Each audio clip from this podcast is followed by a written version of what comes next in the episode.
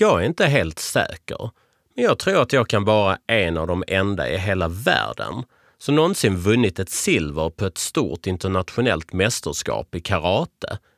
Dessutom helt utan att jag själv vetat om det. Välkomna till Hjärnskakningspodden. Här diskuterar vi allt som har att göra med just hjärnskakningar. Jag delar med mig av konkret information och erfarenheter på ett sätt som gör det enkelt att förstå. Mitt namn är Viktor Bull. Jag är legitimerad fysioterapeut med särskilt intresse för just hjärnskakningar. Kom ihåg att innehållet i den här podden inte ersätter bedömning av legitimerad sjukvårdspersonal. Jag har nyss gjort min landslagsdebut i karate. Jag är 17 år och går utifrån tävlingsmattan på Nordiska mästerskapen. Vi befinner oss i Kristianstad där mästerskapet arrangeras i år. Jag tävlar bland juniorer 16 till 17 år. Även om det kallas för Nordiska mästerskapen har man i karate valt att även inkludera länder som Estland, Lettland och Litauen. I min tävlingsgrupp är det många tävlanden och det kommer krävas många vinster för att kunna ta medalj. Jag har nyss vunnit min första match och jag ger min tränare en high five. Sen är det blankt i några sekunder. Nästa stund sitter jag på en stol och tittar på en av karatematcherna. Jag håller en stor bomullstuss i munnen.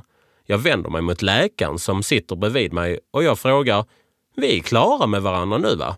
Ja då, vi är klara med varandra, säger han.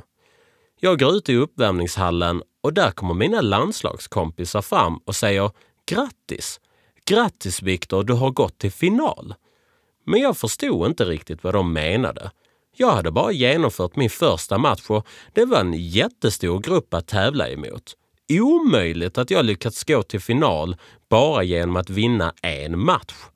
Min närmsta lagkamrat började snabbt inse att något var fel när jag frågade honom Var är vi någonstans? Vad menar du? frågade han. Ja, alltså, vilken stad är vi i? Och vad är det här för tävling? Som ni kan tänka fick jag inte lov att genomföra finalen senare den dagen. Jag har aldrig fått tillbaka mitt minne helt från det som hände under den tävlingen, men jag har däremot sett det på film. Efter att jag avslutat första matchen så hade jag nämligen fortsatt tävla vidare. Under andra matchen hade jag fått ett hårt knä mot huvudet, men jag signalerade till domaren att jag mådde bra och jag fick lov att fortsätta vidare. Jag presterade dessutom på en riktigt bra nivå. Jag genomförde två väldigt bra matcher där jag förvisso vann ena matchen på marginalen, men det var i alla fall min dittills bästa prestation i karatekarriären. Allt utan att ha ett enda minne från händelsen. Jag hade alltså drabbats av en hjärnskakning under andra matchen. Det var inget som gav några synliga och inte heller upplevda symptom förrän långt senare. Tävlingen pågick ett bra tag och mitt nästa minne var då att jag satt bredvid läkaren med en bomullstuss i munnen. Jag hade nämligen fått en kraftig blödning i läppen och läkarens uppgift var att få stopp på blödningen för att jag skulle kunna fortsätta tävla senare den dagen. Detta var min första hjärnskakning. Men det skulle tyvärr inte bli min sista. Jag har inte alltid suttit här och spelat in podcast. Jag har inte ens arbetat med hjärnskakningar majoriteten av mitt vuxna liv. Nej, allt det jag gör just nu är en relativt ny företeelse och något som fångade mitt intresse för omkring sex år sedan. Men innan det då? Ja, tro det eller ej, men under många år var jag själv en stor anledning till machokulturen inom kampsporten och tittar jag ännu mer noggrant i backspegeln vet jag också att jag bär skulden till många andra personers hjärnskador. Men om vi spolar tillbaka bandet lite grann, cirka tio år. Vad gjorde jag då? Jag var 19 år gammal och jag stod med studentmössan på huvudet. Efter tre år på Malmö idrottsgymnasium skulle jag börja välja ett nytt spår i livet. Jag hade bara en enda sak i huvudet och det var karaten. Jag hade vid det här laget blivit svensk mästare flertalet gånger och fler skulle det bli. Redan då jag tog studenten visste jag att jag ville flytta till en karateklubb i Danmark. Där fanns nämligen en av Nordeuropas bästa karateklubbar. Åh, vad härligt, brukade folk säga när jag berättade att jag skulle flytta till Danmark. Köpenhamn är ju jättefint och än idag håller jag med dem. Köpenhamn är jättefint. Men jag skulle bo lite mer än 400 kilometer ifrån Köpenhamn i en studentstad som heter Ålborg. Dit flyttade jag bara några månader efter att jag avslutat min tid på gymnasiet i Sverige. Där började jag jobba halvtid som kock. Ja, ni hörde rätt. Jag jobbade som kock på ett IT-företag där jag lagade lunchbuffé till cirka 20 personer varje dag. Var jag utbildad kock? Nej, inte riktigt. Hade jag ett stort intresse för mat? Ja, det hade jag. Att äta den, inte att laga den. Men jag var däremot duktig på att ljuga på mitt CV. Och jag fick därmed en halvtidstjänst inom matlagning. Learning by doing, som de säger. Det gav mig i alla fall möjligheten att jobba bara fyra timmar per dag och spendera resten av tiden med att göra det jag älskade att göra. Träna och tävla i karate. Och det gick ganska bra för mig faktiskt. Jag tror däremot inte att jag hade blivit bäst i världen om jag fått fortsätta tävla. Men man vet ju aldrig. I klubben jag tränade på fanns flera medaljörer från både Europa och världsmästerskap, så jag var i helt rätt sällskap.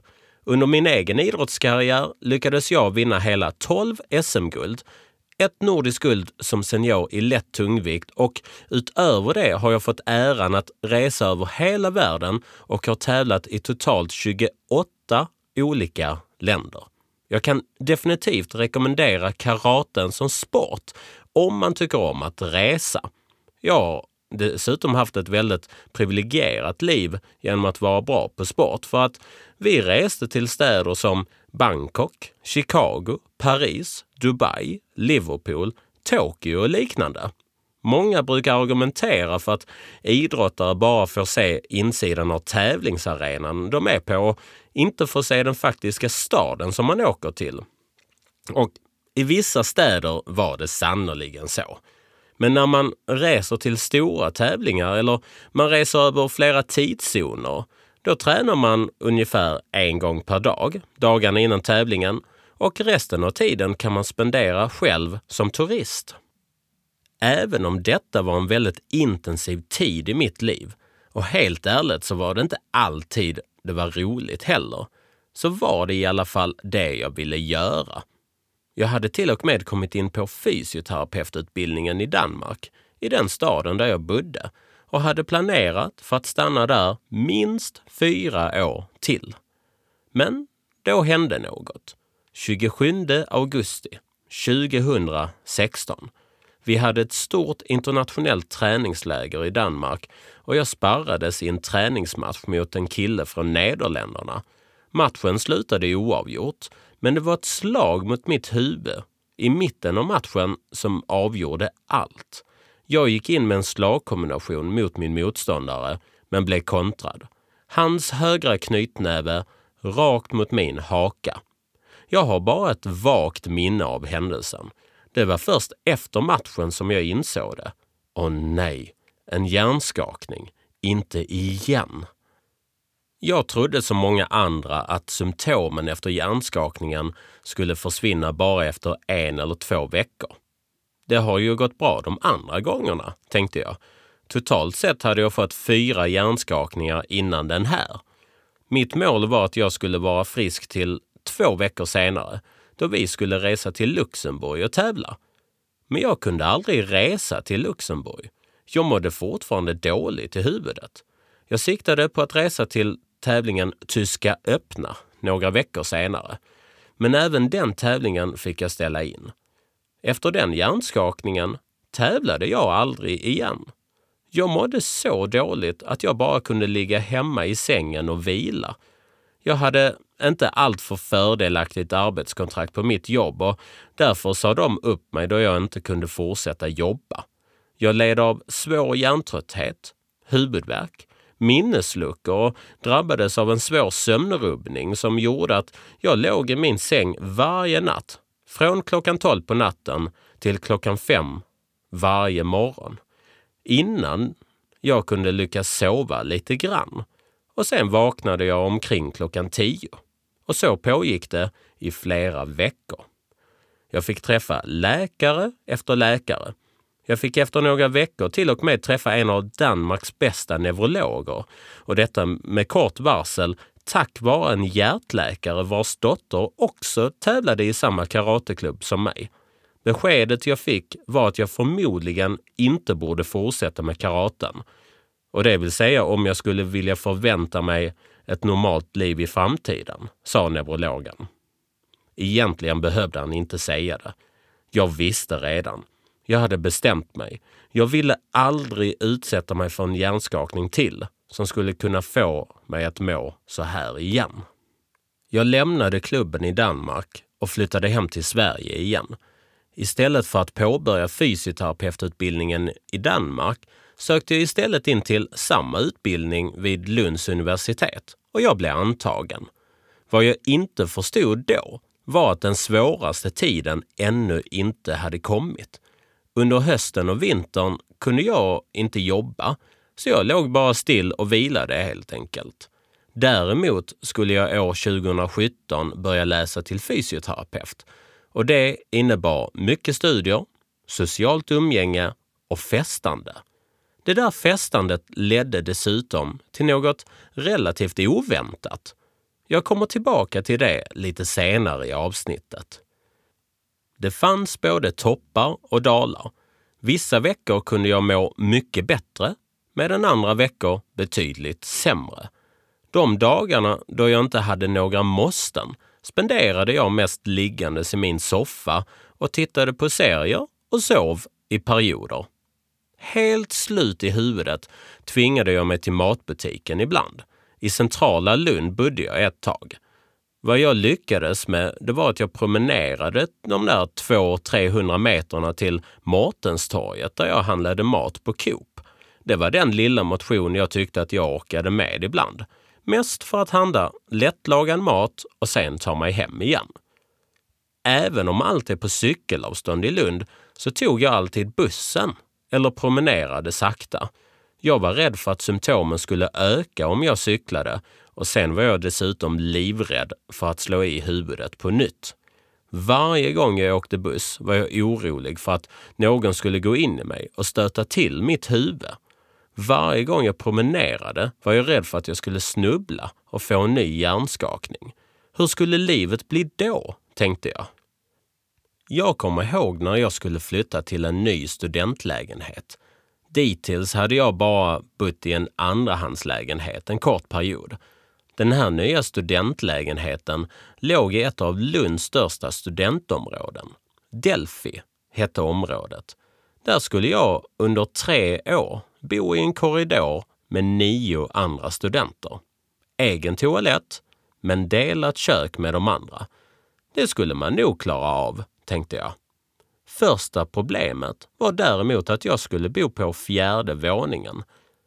Detta känns väldigt overkligt idag, men på den tiden kunde jag inte lyfta något tungt utan att må extremt dåligt i huvudet.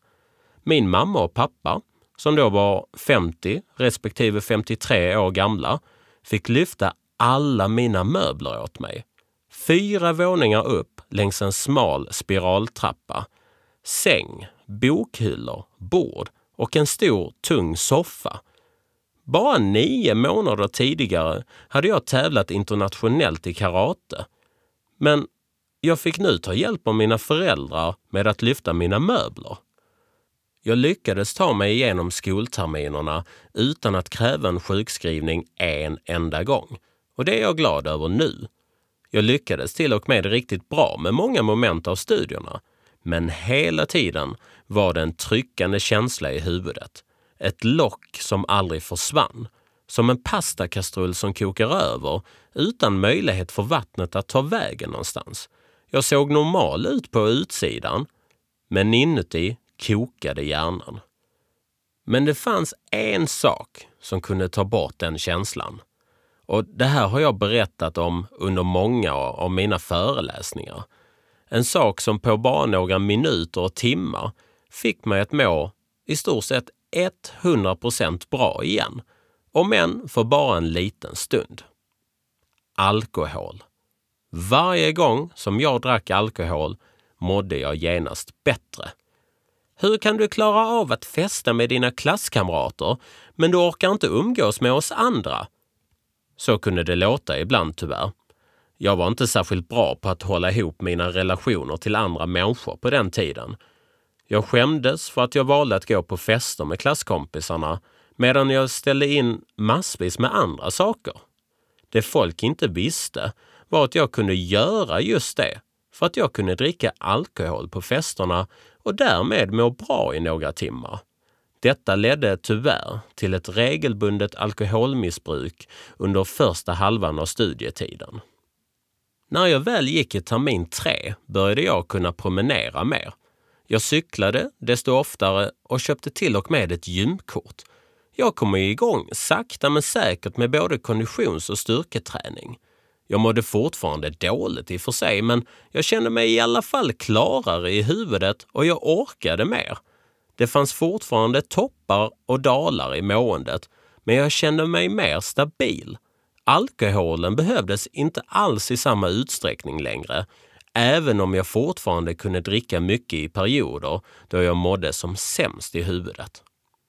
Efter väldigt omtumlande år och problem med att vidmakthålla relationer och samtidigt klara av studierna hade jag trots allt lyckats bli legitimerad fysioterapeut och skulle börja jobba.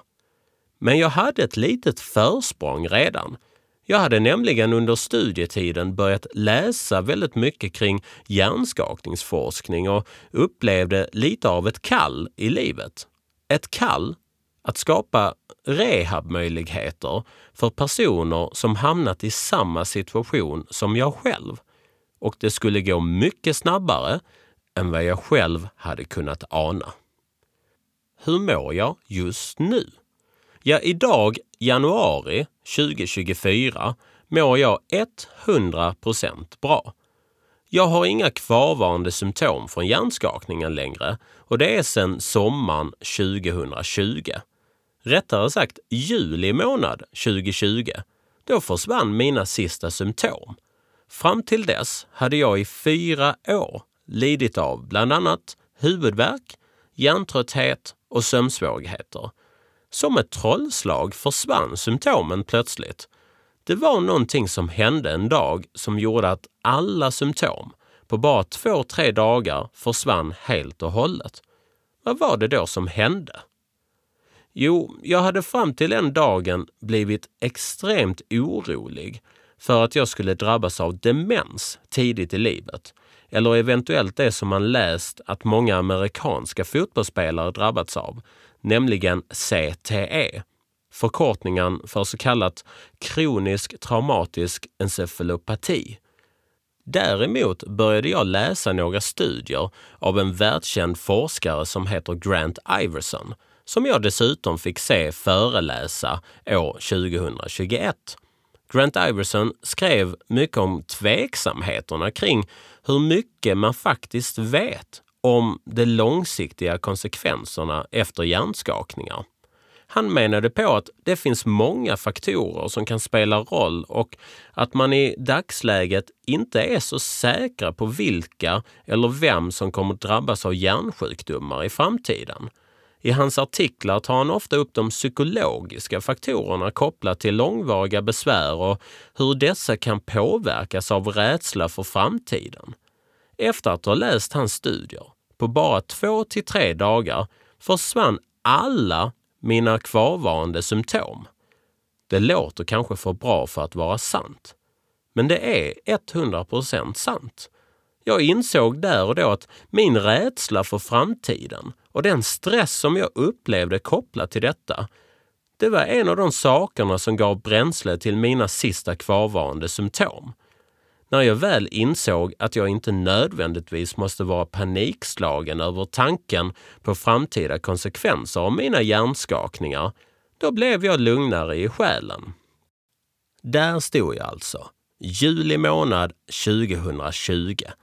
Jag hade under de senaste åren varit tvungen att sköta min rehabilitering helt och hållet själv. Men jag hade lyckats stegra upp både min konditions och styrketräning sakta men säkert. Jag hade dessutom kunnat gå över och springa intervaller i backar och jag kunde börja göra burpees och rotera och hoppa och liknande. Men jag hade fortfarande lite symptom kvar fram till den sommaren. Men där och då, när symptomen försvann, så insåg jag att de berodde på oro och stress. Oro och stress kopplat till den här hjärnskakningen. Och fram tills då hade jag lidit av svåra besvär efter den här skadan. Jag hade avslutat min idrottskarriär och dessutom förlorat många viktiga relationer i mitt liv. Men nu mådde jag helt bra igen. Jag hade blivit frisk och jag hade startat ett företag där jag utöver min anställning jobbade med att rehabilitera andra idrottare med kvarvarande besvär efter sina hjärnskakningar. Cirkeln var sluten, kände jag. Jag var äntligen någonstans där jag hörde hemma igen. Under våren 2021 blev jag kontaktad av en läkare. Daniel hette han. Daniel Gerhag han ringde mig då han jobbade som läkare för svenska handbollslandslagets seniorherrar då och var även lagläkare för handbollsklubben Ystads IF. Han berättade att de hade tre målvakter i klubben där alla tre hade fått var sin hjärnskakning under samma vecka i början av mars 2021 och efter två månader var fortfarande ingen av dem kapabla till att spela handboll. Det var då jag kom in i bilden och påbörjade en rehabilitering med de här spelarna. Daniel Järhag sa till mig första gången vi träffades att han trodde att jag skulle kunna jobba heltid med hjärnskakningsrehab om bara två, tre år. Jag trodde inte riktigt själv på det. Om kanske tio år, tänkte jag. Om jag har tur. Vad varken jag eller Daniel visste var att det skulle bli vi två som startade en hjärnskakningsmottagning tillsammans och det skulle vara tack vare honom som jag skulle få lov att jobba heltid med hjärnskakningar och föreläsningar. Idag driver vi en hjärnskakningsmottagning i centrala Malmö tillsammans med en annan läkarkollega vid namn Iman Ghanei. Vi har på bara några månader fått in ett stort antal patienter från hela Sverige alltifrån Göteborg, Stockholm, Norrland, men även patienter från Norge och Danmark. Det känns något overkligt. Hjärnskakningen var det som gjorde slut på allt vad jag uppskattade i livet. Men den tände också gnistan till något större. Idag är det faktiskt skönt att, till viss del i alla fall, förstå vad det är mina egna patienter går igenom Även om alla är väldigt olika i sitt mående så finns det också många likheter mellan personer som drabbats av en hjärnskakning. Och det bästa av allt är att jag, som inte heller fick någon bra vård efter min skada, nu istället kan bidra till en liten förbättring kanske av själva hjärnskakningsvården. Och då känns det värt att ha haft några tuffare år tidigare för att ha möjlighet att hjälpa andra under en längre tid framåt. Och med det vill jag tacka för att ni har lyssnat. Läs mer om hjärnskakningar inne på www.fysiohjärnskakning.se. Följ även Fysio hjärnskakning på både Instagram, TikTok, Facebook och inne på Youtube för att ta del av mer content. Gilla jättegärna inläggen kommentera givetvis och skriv sen också frågor så ses vi igen i nästa avsnitt.